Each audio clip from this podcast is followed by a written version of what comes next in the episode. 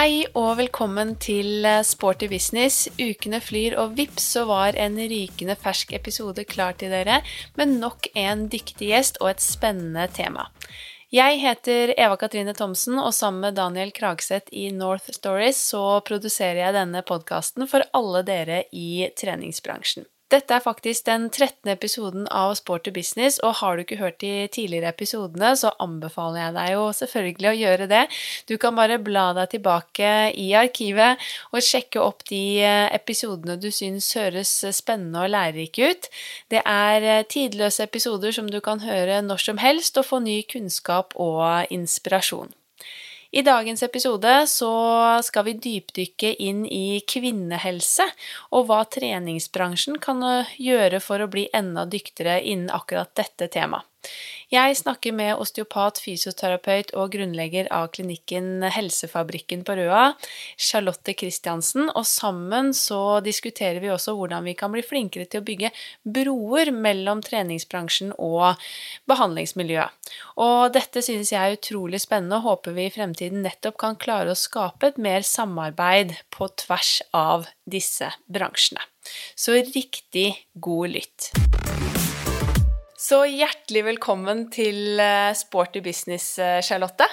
Tusen takk.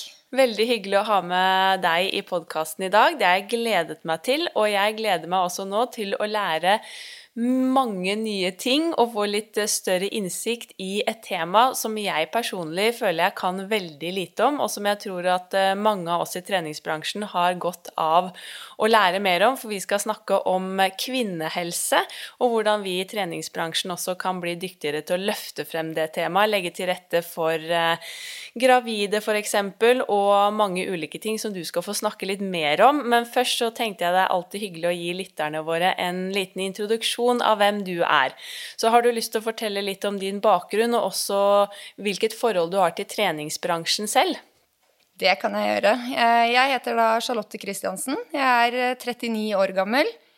Jeg er utdanna fysioterapeut og osteopat. Jeg har en idrettsbakgrunn som svømmer på landslagsnivå, og har alltid hatt en interesse for trening og fysisk aktivitet. Eh, når jeg la karrieren på hylla, så ble det et veldig naturlig eh, valg for meg å utdanne meg innen kropp, fysisk aktivitet og helse. Jeg starta med å ta idrett grunnfag, før jeg i 2003 starta på fysioterapiutdanningen i Oslo. Parallelt med det så jobba jeg som eh, treningsveileder og instruktør på treningssenter, og hadde gruppetimer på sykkel og styrketimer og etter hvert også treningstimer for eh, gravide og nybakte mødre. Når jeg var ferdig eh, utdanna fysioterapeut, så starta jeg en egen klinikk i studentidretten sine lokaler i Oslo. Og samtidig begynte på en deltidsutdanning i osteopati. Eh, under disse åra fortsatte jeg som instruktør og treningsveileder, og hadde etter hvert flere og flere gruppetimer. Eh, jeg fikk også to barn under denne perioden. Jeg har Vilde og Vetle, som nå er åtte og ti år gamle. Og egne svangerskap ble en veldig stor bidragsyter til eh, at jeg de siste ti årene har skaffet meg økt kompetanse innen fagområdet kvinnehelse. Og deriblant behandling av gravide og nybakte mødre, uh, urinlekkasje, underlivsplager. Jeg har også tatt en toårig videreutdanning innen kvinnehelse og barn. Og tatt mye kurs også, idrettsrelevante bekkenplager. Jeg har en veldig lidenskap for faget og forsøker så godt jeg kan å holde meg oppdatert faglig. Og jeg er alltid sulten på ny kunnskap eh, og mener at den dagen jeg er ferdig utlært, så håper jeg at jeg har gått av med pensjon. For det, det, vil alltid være ny kunnskap å ta med seg inn i hverdagen, og det er det som motiverer meg og driver meg veldig. Um, etter eh, studentidretten så har jeg jobba i private klinikker og hatt mye både treningstimer og behandling. Og de siste årene nå så har jeg starta opp eh, Helsefabrikken, der jeg er medeier sammen med kollegaen min Helen Landsverk. Eh, og så er jeg også ekstern sensor ved osteopatiutdanningen og jeg holder noe kurs og foredrag. Flott holdning med tanke på at eh, du virkelig har lyst til å hele tiden utvikle deg. Det syns jo jeg også er det mest eh, spennende med også å kunne jobbe i treningsbransjen. Det at man alltid har noe nytt å lære, og der vet jo jeg at du er veldig dyktig. Og som du nevnte, du har jo også vært innom eh, studentidretten, som det het den gangen, nå sier jo Atletica, hvor jeg fortsatt er. Og det var jo der vi møttes også for mange år siden, hvor jeg hadde ødelagt en skulder på spydkast på idrettshøyskolen og måtte få litt hjelp. og siden siden den gang så har jeg også fulgt deg, og det har vært veldig gøy å se hvordan du da har etter hvert startet egne klinikker og opparbeidet deg et utrolig nettverk og kunnskap. Og jeg ser jo veldig opp til deg og syns at du er en veldig dyktig fagperson. Og det er jo grunnen til at jeg har invitert deg hit i dag. Så du har jo en bred og god erfaring både fra bransjen, vil jeg si, og som behandler. Og nå er du jo da både fysioterapeut og osteopat, driver eh, Helsefabrikken. Hvordan ser hverdagen din ut i dag på Helsefabrikken? Hva er det du fyller dagene dine med? Ja, hverdagene er varierte. Jeg jobber hovedsakelig med pasienter. Det er eh, det jeg gjør fire dager i uka. Eh, I tillegg til alt som hører med administrasjonsoppgaver med det å drive egen klinikk. Eh, og det at jeg også holder litt kurs og foredrag og er ekstern sensor, så blir det variert arbeidshverdag som eh, jeg bare elsker. Hvilke behandlingsområder er det du jobber mest med, eller hvilke pasienter er det du møter i løpet av uken? Hvilke utfordringer er det de fleste har? Vet du hva, Jeg er utrolig heldig å jobbe med en variert eh, kundegruppe. Eh, vi har alt fra toppidrettsutøvere jeg har uh, veldig mange gravide og nybakte mødre. Kvinner med underlivssmerter er også mange pasienter innom. Mye stressrelaterte plager. Det ser vi egentlig bare er økende. Også kvinner og menn med ulike belastningsplager. Uh, opptrening etter skader, vondt i nakken, vondt i ryggen. Veldig variert arbeidshverdag. Mm. Hva vil du si er det aller beste med den jobben du har i dag, det å kunne møte mennesker og hjelpe dem?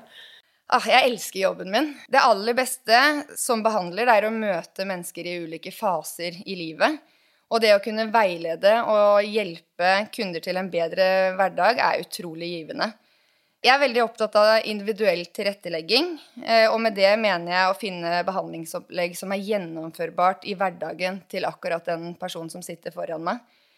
Det å lytte til hver enkelt og la de være aktive i sin egen prosess og se gleden når de lykkes, det gir meg også mye glede. Og jeg er veldig takknemlig og ydmyk eh, for tilliten de gir meg når jeg får hjelpe dem mot sine mål og forhåpentligvis en mer smertefri hverdag. Mm. Du har jo også en forkjærlighet for treningsbransjen og har vært der i mange år. Det vet jeg jo selv, og det var der vi møttes. Og i dag skal vi jo da på en måte kombinere din erfaring fra behandling og osteopati og fysioterapiverden med det vi på gulvet i treningsbransjen jobber med.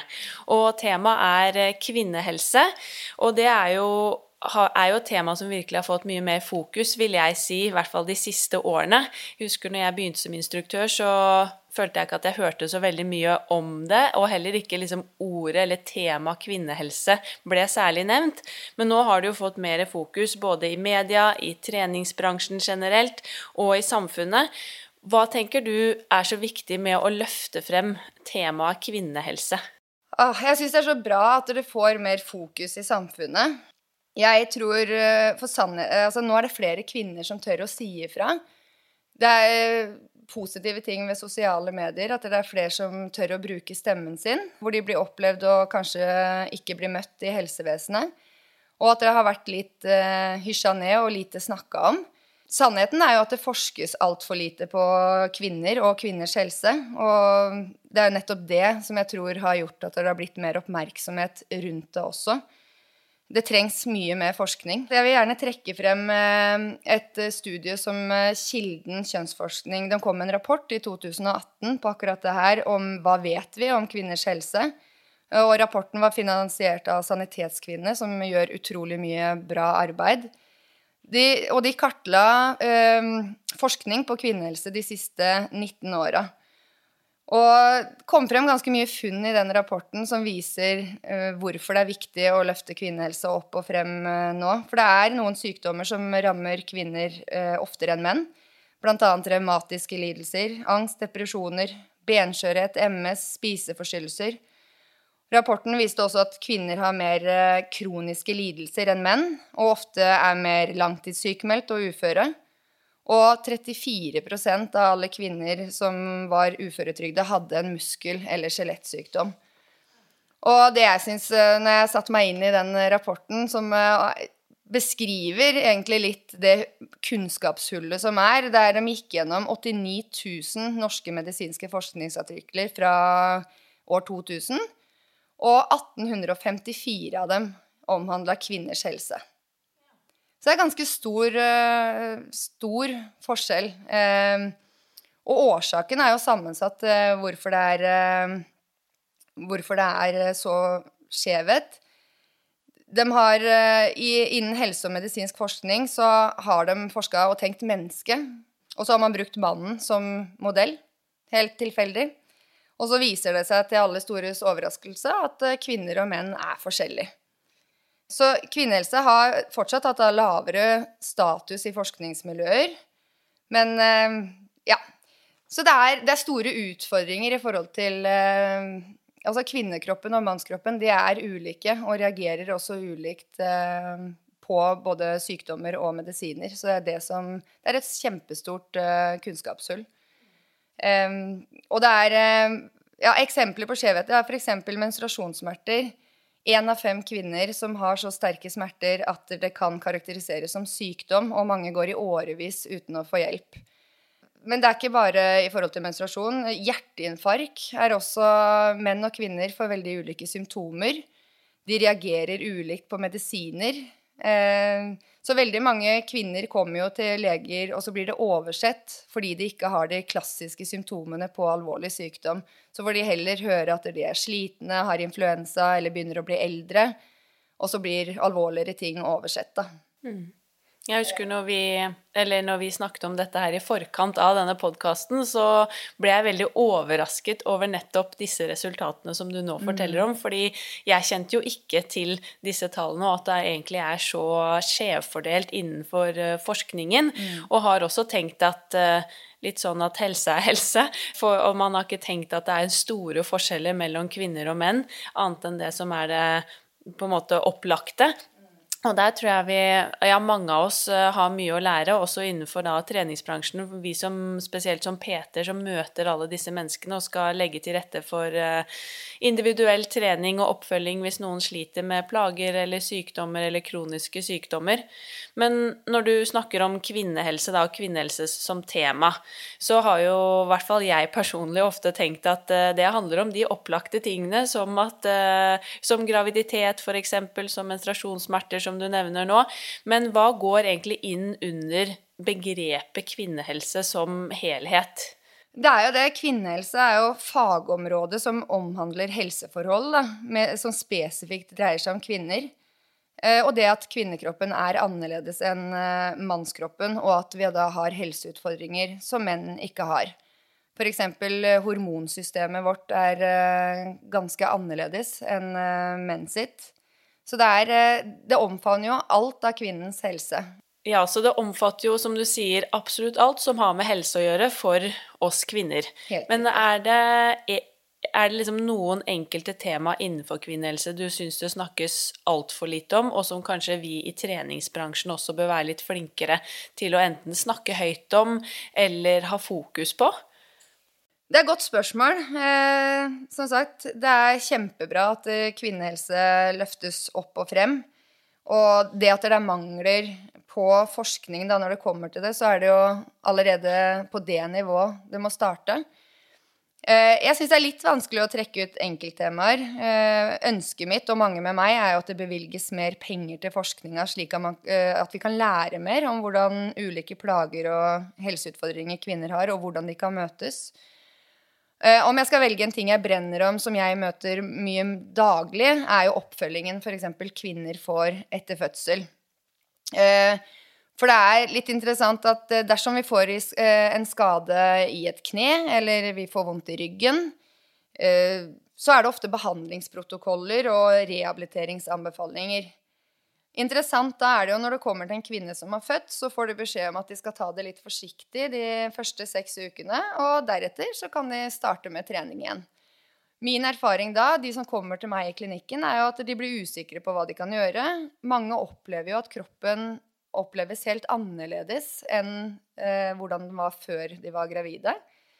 Og det er, det er, rett og slett uh, lite informasjon. Og også igjen der når jeg går gjennom forskninga, så finnes det jo heller ikke noen konkrete retningslinjer.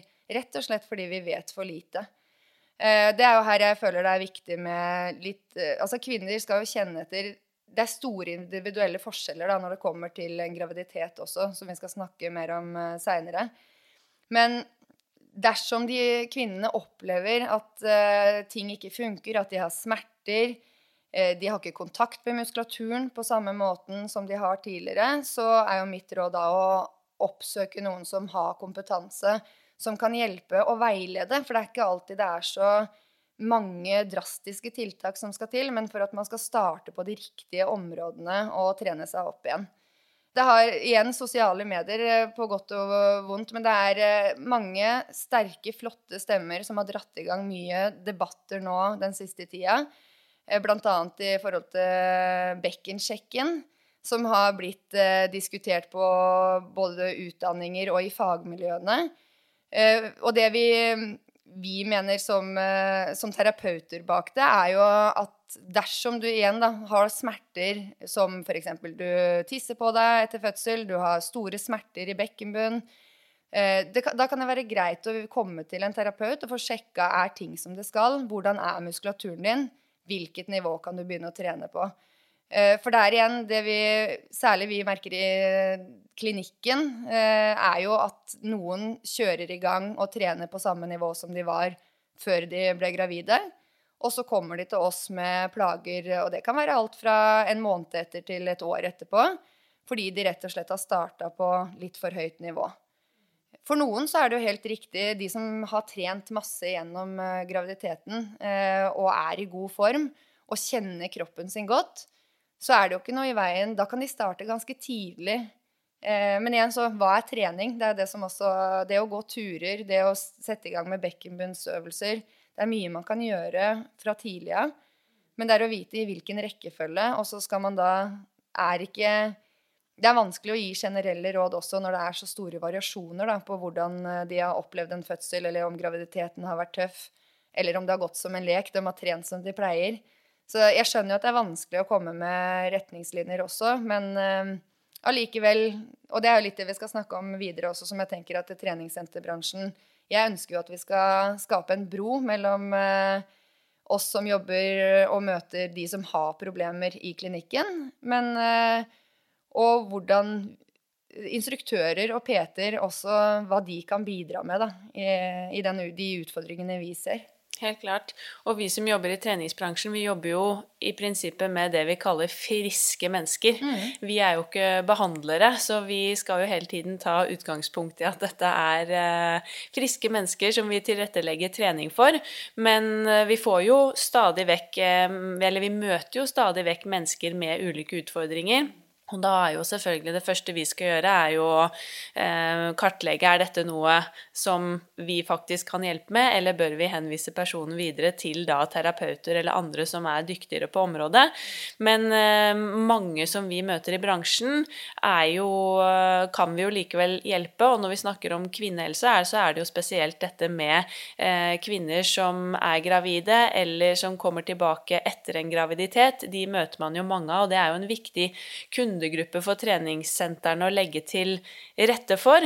Um, og hvordan syns du treningsbransjen løser dette i dag med å tilrettelegge spesielt for nybakte mødre eller de som er gravide og trener under eh, svangerskap? Og hva tenker du eventuelt man kunne ha blitt dyktigere på i bransjen? Eh, mange treningssentre tror jeg kurser instruktørene sine. Eh, men jeg opplever at det er veldig store variasjoner på kunnskap. Eh, I hvert fall de PT-ene og instruktørene jeg har prata med, forteller at det er eh, de kan ikke nok. Og, så jeg tenker det ville vært bra om alle instruktørene hadde fått opplæring i hvilke hensyn, da. Kan, akkurat når det kommer til gravide og de som har født. Eh, sånn at de kan mer. Eh, jeg jeg syns det er litt viktig at, at, man skal jo ikke sykeliggjøre heller eh, verken svangerskap eh, eller graviditet. Men det er Kundene er jo ansvarlig når de kommer til, på gruppetimer hos dere også, at de lytter til kroppen og stopper hvis det er ting som er smertefullt. Men det er, som sagt, det er, det er, veldig mange av de også som kommer på timene, som er veldig usikre. Eh, jeg har kjempemange på klinikken som eh, ikke har et symptom eller en plage, og så kommer de til meg fordi kan jeg fortsette å trene? Så det er noe med det der å fortelle om helsegevinstene og, altså Det er bare helsefordeler også for gravide å trene. Men det er viktig å skille på de som på en måte har plager, og de som føler seg bra. Har du trent eh, Som sagt, er formen fin, og du er vant til å trene, så kan du helt fint fortsette med det i svangerskapet. Og så er det ikke sikkert de skal ta så ekstremt mye store eh, hensyn til det. Men at de skal kjenne etter, da, at trening skal føles bra. Men så er det eh, også de da som kjører på med bootcamp, høypulstimer, kliner til, og, og som får vondter. ikke sant? Det er, det er så store ytterpunkter her i forhold til de som er kjemperedde for å gjøre noe feil. Eh, og der kan jo instruktørene være med og løfte og fortelle at det er helsegevinster ved å trene. Men opplever du ubehag, ok, da skal du ta litt mer hensyn. Og kanskje bremse de hvis du ser du har en høygravid på timen som uh, står og hopper og kjører burpees rett før termin. Hør med henne om Og så er det visse kontrollspørsmål man kan stille da, hvis man kommer i dialog med dem. Så jeg, jeg, tror mer kunnskap hos instruktørene vil jo gjøre det lettere for dem å vite hva de skal si og ikke si under en time. Og så er det jo forskjell om du har um, at du har én gravid på en gruppetime, Eh, eller om du har et, eh, et, kurs som er kun for gravide eller de som har født. For da er det jo litt lettere hvordan du kan vinkle spørsmålet. Ja, jeg tror også igjen så er uh, nøkkelen til suksess og trygghet er jo kunnskap. Og i hvert fall for de instruktørene eller PT-ene som skal ha rene gruppetimer eller kurs eller oppfølging for uh, nybakte mødre eller hjelpe folk under graviditet, at de hvert fall kan nok om temaet og føler seg trygge og kunne guide og lede en uh, time hvor det er fokus. Jeg personlig f.eks. kunne ikke ha tatt på meg det per i dag, for jeg føler ikke at jeg kan nok, om det, f.eks. Jeg kan fint guide en som kommer på en vanlig gruppetime og kunne gi litt tips og råd hvis det er en som kommer og er gravid og har noen spørsmål, men det å legge til rette for en god uh, gruppetime for nybakte mødre, da tenker jeg det er jo veldig viktig at, da, at man da bør ha nok kunnskap og vite hva det er man leverer på de timene. Men jeg tror også Jeg kan i hvert fall kjenne meg selv igjen i det at uh, når du er ung og ny i treningsbransjen, uh, og er, alt er jo en modningsprosess, så husker jeg i hvert fall at jeg syns at alt som handlet om sånn bekkenbunn og bekkenbunnsøvelser og ja, graviditet, nybakte mødre Jeg syns det var litt at det var veldig fjernt. Jeg hadde ikke noe forhold til det. I tillegg så syns jeg det var rett og slett litt kleint og flaut å begynne å snakke om bekkenbunnstrening og hvordan i det hele tatt skal du guide det. Har du noen tips og råd til de som kanskje er litt unge og nye i bransjen, og som kjenner på at de rett og slett syns det er litt ukomfortabelt eller flaut å stå og på en måte løfte frem dette, eller snakke om inkontinens, eller prøve å guide noen i bekkenbunnstrening? Ja, og det er jo litt uh, det jeg ønsker, da. At vi skal tørre å snakke mer om akkurat de tingene du nevner nå. For det er min opplevelse at det er, det er så mye tabubelagte områder. Det er pinlig, flaut. Eh, altså, skal vi snakke om at vi tisser på oss? Igjen, da, så er det det skjer så mange, og det er jo ikke bare gravide og de som akkurat har født. Det er jo en utfordring både for menn og kvinner også store forskningsresultater med toppidrettsutøvere som har lekkasjeproblematikk når de trener. For de får ofte så De er sterke i den store muskulaturen, og så aner de ikke eh, hvordan de skal eh, få kontakt med denne bekkenbunnen. Vi får jo høre det ganske ofte at ja, det er viktig at vi kniper. Og så blir vi jo ikke instruert i hvordan vi skal gjøre det. Og så igjen, da. Forskninga viser at eh, de aller fleste av oss kniper feil. Eh, så det er jo noe med Vi må tørre å prate mer om det. Eh, tørre å gå litt ut av komfortsonen, egentlig. Nå er sikkert jeg har ingen sperrer på, fordi det er jo dette jeg brenner for og, og vil at vi skal snakke mer om. Så det er å vite da at det gjelder så mange. Eh, også for Og det er igjen, da, som du sier, du hadde ikke hørt så mye om det tidligere. Eh, men der er jo vår oppgave hvordan kan vi få det inn? Hadde noen uh, hatt et kurs med når du er ung instruktør og nettopp har kommet inn i bransjen, og få de trygge på å vite at vet du hva, det her gjelder så mange. For da ufarliggjør vi det også. Det er ikke sånn at det er 1% som uh, har disse plagene. Det er kanskje over halvparten av alle som er på timen din. Da er det litt lettere å, å kunne nå ut med. Men igjen så er det Det trengs jo Man trenger litt kursing, for er, jeg skjønner at man ikke kan få alt inn på en grunnutdanning også. Eh, men oppsøk kunnskap. Snakk med de som du vet jobber med det. Jeg, det er jo som jeg sier, den der broa jeg ønsker at vi skal bygge. At vi kan dele kunnskap og informasjon. fordi dere møter dem jo på gruppetimene. Hvilke spørsmål får dere? Vi møter dem i klinikken når det kanskje ikke har gått som de hadde planlagt.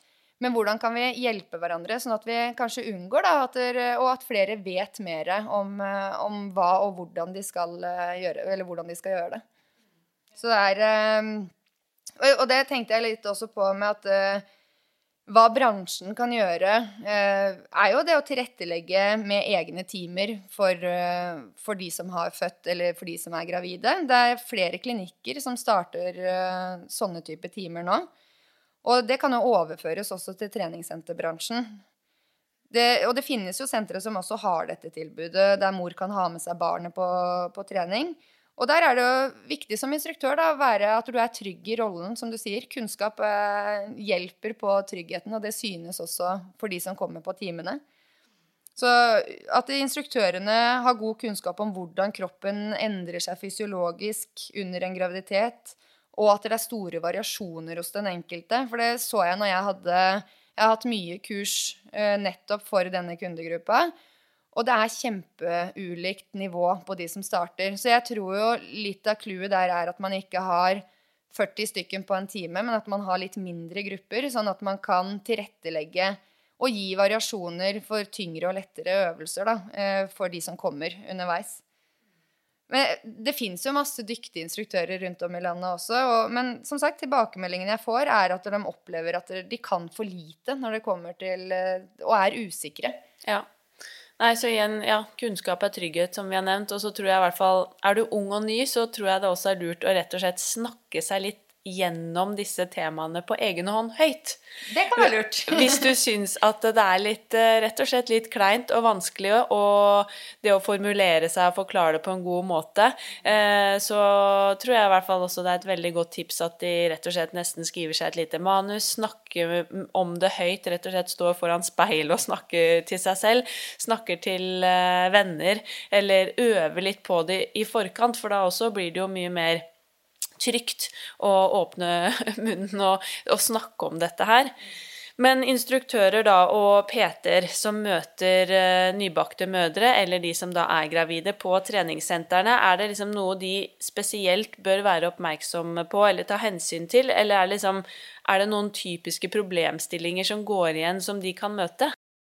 Ja, og her vil det være litt ulik tilnærming eh, på om du er en instruktør som har én gravid på timen din, eller om du er en PT som møter kunden én til én. Eh, en PT vil jo da mye lettere kunne stille eh, spørsmål til kunden sin enn hva du som instruktør eh, plutselig står du foran timen, og så ser du at å ja, der er det en som har en kjempestor mage. Eh, så om du er instruktør og ser at det er en gravid på gruppetimen, og du er der og har tid til å slå av en prat før timen starter, så kan du jo stille spørsmål og gi noen tips da til, eh, til kunden om hva de kan gjøre underveis hvis, de, hvis, det er noen øvelser de kjenner at ikke føles godt, f.eks. Eh, så instruktøren kan kanskje legge til rette for at eh, kundene forteller om, om de er gravide eller har født. For det er jo ikke alltid det synes heller. som Altså, hos noen så kommer jo ikke magen før i fjerde-femte måned. ikke sant? Så det er, eh, det er, jo et litt stor ansvar for eh, instruktøren at de skal begynne å lete etter det. Så igjen da, så er det oppfordre kundene til å si ifra eller ta kontakt med dem. tenker jeg kan være en god innfallsvinkel. Ja, det er veldig lurt. Eh, samme gjelder jo skade, men det at man, sier, at man kan gjerne si på starten av en time eller før man er i gang, eller gå rundt når man sier hei til alle og spørre om det er noen som har noen skader, eller om man er gravid, om man har lyst til å dele noe, for det gjør det jo mye lettere for deg som instruktør å kunne veilede. Og også med tanke på om hvis noen sliter med noe, så er det mye bedre at de sier fra før timen, sånn at hvis de også går pga. Eh, at eh, kneet ikke funket, eller fordi de kjenner at eh, dette ikke funket hvis de er gravide eller har kommet tilbake etter en graviditet, så vet du også hvorfor de f.eks. For forlater rommet, sånn at du slipper å løpe etter dem eller få klump i halsen og, om hvorfor de forlater rommet og blir liksom bekymra for om det feiler dem noe mer. Det husker jeg når jeg hadde timer selv, og det var jo litt sånn stor skrekk med For du vil jo gjerne vite om de er dårlige også, ikke sant. Så det er eh, det å legge til rette for med hva du sier, eh, og legg lista lavt, ikke sant. Sånn at folk faktisk tør å komme og, og gi beskjed. Mm. Mm. Helt klart. Men hva skal uh, instruktører eller Peter uh, gjøre hvis de får spørsmål som de kjenner at uh, 'dette kan jeg ikke svare på'? Hvis de, får, hvis de får, den følelsen, eh, så tenker jeg jo helt klart at de ikke skal gi noe råd eh, basert på synsing. Eh, da tenker jeg heller vær ærlig og si at vet du hva, det her må jeg faktisk sjekke opp. Eh, eller be de ta kontakt med, med, noen som jobber med det. Ikke begynn å, å basere og, og gjett hvis du er usikker. Det tenker jeg er, eh, det gjelder vel egentlig på om det er en skade, eller om det er en gravid eller en som har født. Eh, så helt klart, ikke, ikke begynn å gi råd som du, som du, kjenner at du ikke er komfortabel med, da. Nei. Egentlig en eh, liten oppfølging fra forrige spørsmål. Jeg kom på, på gruppetimer, da, eksempel. Er du PT, så har du mulighet til å jobbe veldig mye tettere, og der kan du spørre og grave, og du kan få dem til å dele, så det er lettere å tilrettelegge treningen. På en gruppetime så snakker vi jo i plenum, eh, og man har et opplegg som i utgangspunktet er satt. Man har noen alternativer, men man skal jo gjennom et visst eh, antall øvelser eller et program på en gitt tid. Er det noen sånne typiske ting som eh, f.eks. gravide bør unngå, eller som du kan være litt ekstra obs på, eller noen alternativer man bør ha på lager som lett kan liksom være greie å gi eh, gravide hvis det er noen øvelser de ikke kan gjøre, og hva er typisk ting som kan gi utfordringer? Det som er, eh, på, som er vanlig, er at eh, mange får eh, bekkensmerter. de da, og det er gjerne hvis de gjør ettbeinsøvelser. Så der kan de få tilrettelegging ved å gjøre knebøy istedenfor utfall. Eh, gravide som eh, Det kommer jo an på hvor langt de er i svangerskapet, men det er greit å vite om at eh, lavt blodtrykk og lav blodprosent kan være en utfordring for dem. Så hvis de blir svimle eller uvelle, så kan det være greit å roe ned. Eh, så er det noen øvelser i forhold til eh, Og det er jo avhengig av hvor langt du har kommet ut i, i svangerskapet. er jo det kjente med Man hører om delte magemuskler. Eh, alle uh, får jo Altså når magen vokser, så tøyes muskulaturen og, og, deler seg og legger seg ut til siden. Så det å gjøre f.eks. situpsøvelser, eh, statiske plankeøvelser, er ikke nødvendigvis det lureste. Og da pleier jeg å si hvis du ser at det blir veldig sånn pyramide eller sånn spiss på magen til gravide som gjør de øvelsene, så ville jeg justert ned nivået. Eh, for det viser at magemuskulaturen ikke er sterk nok til å holde imot eh, presset. Samme er også utover i graviditeten når eh, å gjøre hopp og sprettøvelser. Fordi når magen eller fosteret presser såpass Igjen kommer vi inn på bekkenbunn Eh, men da er det veldig lett at de rett og slett tisser på seg, fordi muskulaturen er såpass under press eh, og har såpass stor belastning som følge av at magen er stor. Så det at de faktisk eh, går eller gjør lav, mer lavdoserte øvelser der enn å, å hoppe og gjøre tunge øvelser. Og også generell regel å si at de kan eh, Husk at de skal klare å puste gjennom øvelser. Så øvelser som gir veldig høyt buktrykk, er også sånn gravide kan være litt forsiktige med.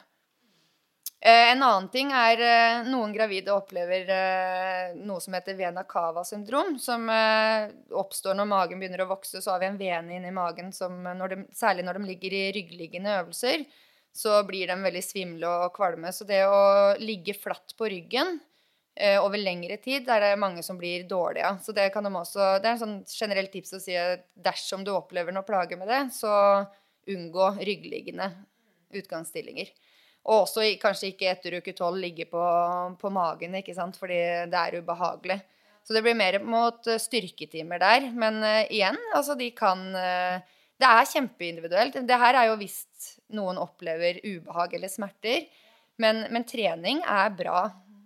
Det får jeg liksom ikke sagt nok. Utfordringen er ikke at det er for mange som trener for hardt, men det er vel heller at folk ikke tør å være aktiv. Ja. Men i forhold til bevegelighetstrening, hvordan er det? Under, eh, det skjer mye fysiologiske endringer, som vi nevnte litt i stad. Eh, og hormonene under en graviditet vil gjøre leddbånd, sener og muskler mer tøyelige. Så eh, alle kvinner får jo det vi kaller fysiologisk bekkenløsning. Og det er jo at bekkenledda blir litt mer bevegelig. Rett og slett for å kunne gi plass til barnet under en fødsel. Og hos noen vil den økte bevegeligheten også kunne gi smerter, og da vil det være nyttig med tilpasning av øvelser. Og når det kommer til tøyning, eh, så er det visse muskelgrupper som det er godt for de gravide å gjøre, sånn som å tøye setemuskulaturen, som lett blir stram, leggmuskulatur, eh, brystmuskulatur, fordi brystene vokser mye. Men de trenger ikke eh, å holde mer enn 30 sekunder, så du kan tøye med en kortere varighet og unngå å tøye til ytterstilling. Mm. Ja. Nett, rett og slett fordi hormonene som gjør at de er mer bevegelige enn hva man er når man ikke er gravid. Vi har jo snakket mye om eh, kunnskap og utdanning, og at man hele tiden bør eh, fylle på. Og for instruktører, gruppeinstruktører spesielt, så vil jeg jo anbefale å Hvis man kjenner på det at eh, dette her føler jeg meg ikke trygg nok på, så vil jeg jo anbefale å ta videre kurs og fylle på der man kan, fordi det vet jeg jo at liksom spesifikk trening for nybakte mødre eller gravide i svangerskapet er det jo ikke mye rom for i grunnutdanningene som fins i dag. Eh, Nå har jo PT-utdanningen blitt en årsenhet, så der er det jo mye større plass til det, men eh, har du noen tanker i dag, kjenner du til PT-utdanningene om eh, PT-utdanningen slik den er i dag, om den er adekvat med tanke på kvinnehelse og eh, tilrettelegging for gravide eller nybakte mødre? Vet du hva, jeg kan ikke uttale meg om de enkelte PT-utdanningene. Eh, Men det er som du sier, det er viktig å huske at det er en eh, grunnutdanning. Og det er ikke bare dere instruktører som opplever at det er eh, lite kunnskap om dette. Vi ser jo det også i egen bransje nå, at det er veldig få kurs. Så det er jo der vi har sett nå at det er viktig i hvert fall at vi går ut med den kunnskapen vi har, og kanskje tilbyr mer kurs enn en hva som har vært gjort så langt. Og, og jeg syns det er viktig ja, som sagt, er, Selv om det er en årsenhet, så er det en grunnutdanning. Det er mange emner som man skal gjennom. Og jeg tenker at man ikke er ferdig utlært. Eh, Det er jo først når du har tatt grunnutdanninga at det, det som er gøy, begynner. Eh, For jo mer erfaring du får, og jo mer kunnskap du tilegner deg, så vil det være enklere å, å gi de riktige råda da, når du har eh, timer. Så igjen, tilbakemeldingen jeg får fra instruktører og PT-ene, det er at de ønsker seg mer informasjon, mer kurs, mer kunnskap for at de skal bli tryggere i rollen sin. Og kanskje spesielt på trening etter fødsel, hvor øh, vi vet at forskninga er øh, mangelfull når det kommer til retningslinjer. På trening under graviditet så finnes det faktisk en del studier nå som, øh, og en del retningslinjer. Hvis man ønsker å lese seg opp for det, så er det, kan du få en del kunnskap der. Ja.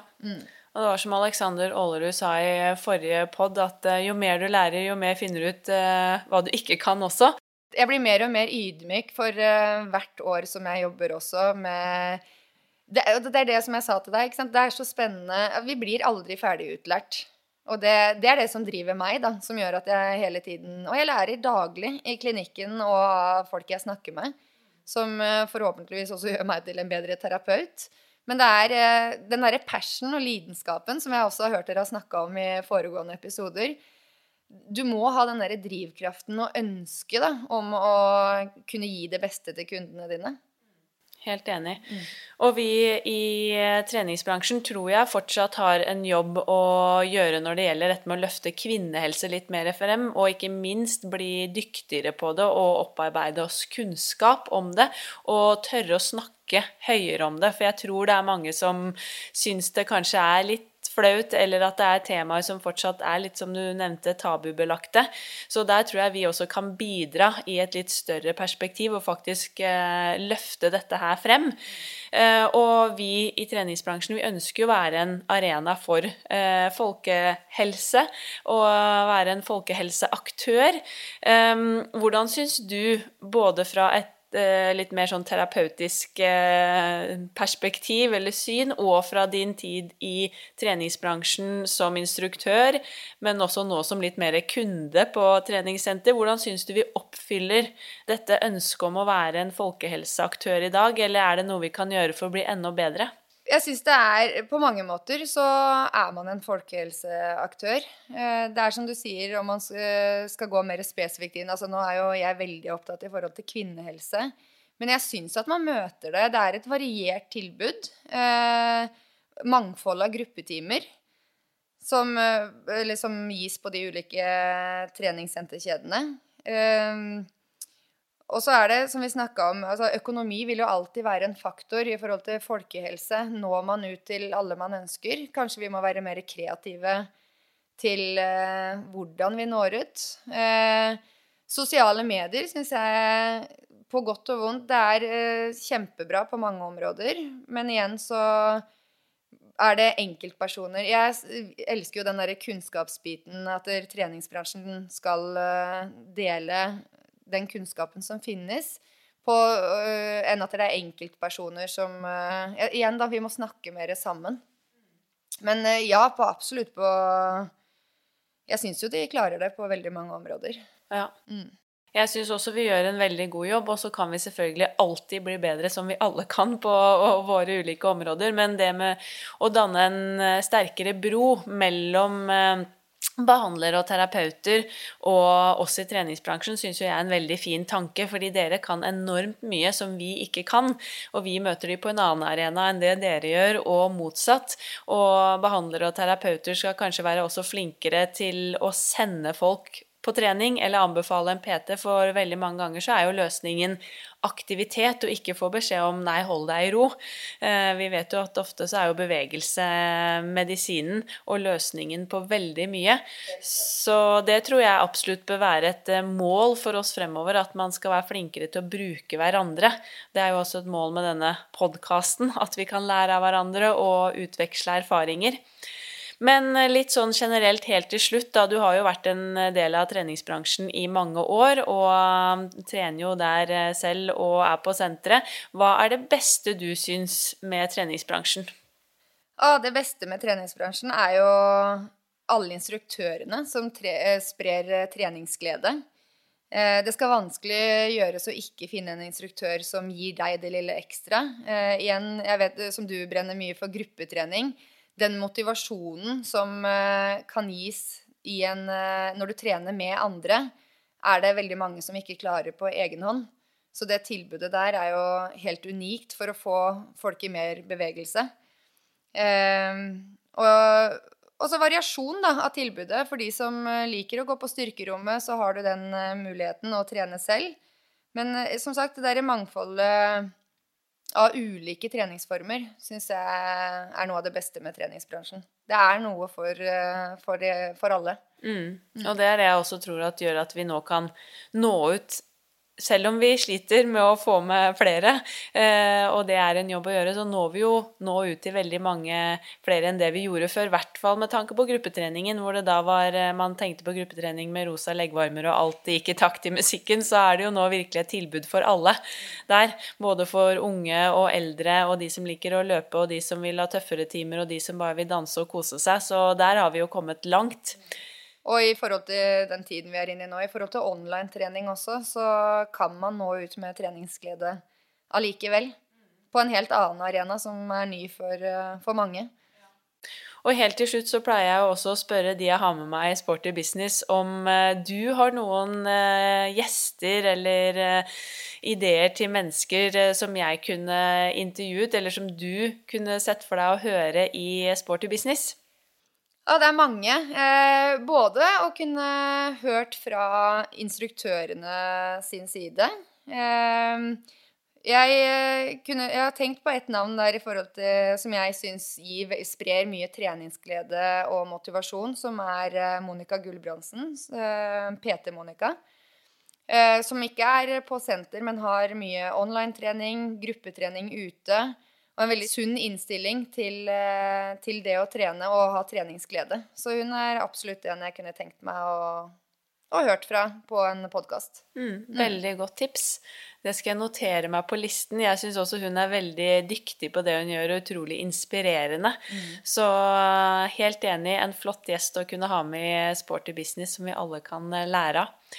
Men jeg har lært veldig mye allerede bare nå på disse tre kvarterene vi har sittet sammen og skravlet, og det tror jeg og håper de som hører på også kommer til å gjøre. Så jeg vil bare si tusen hjertelig takk for en utrolig fin og lærerik prat.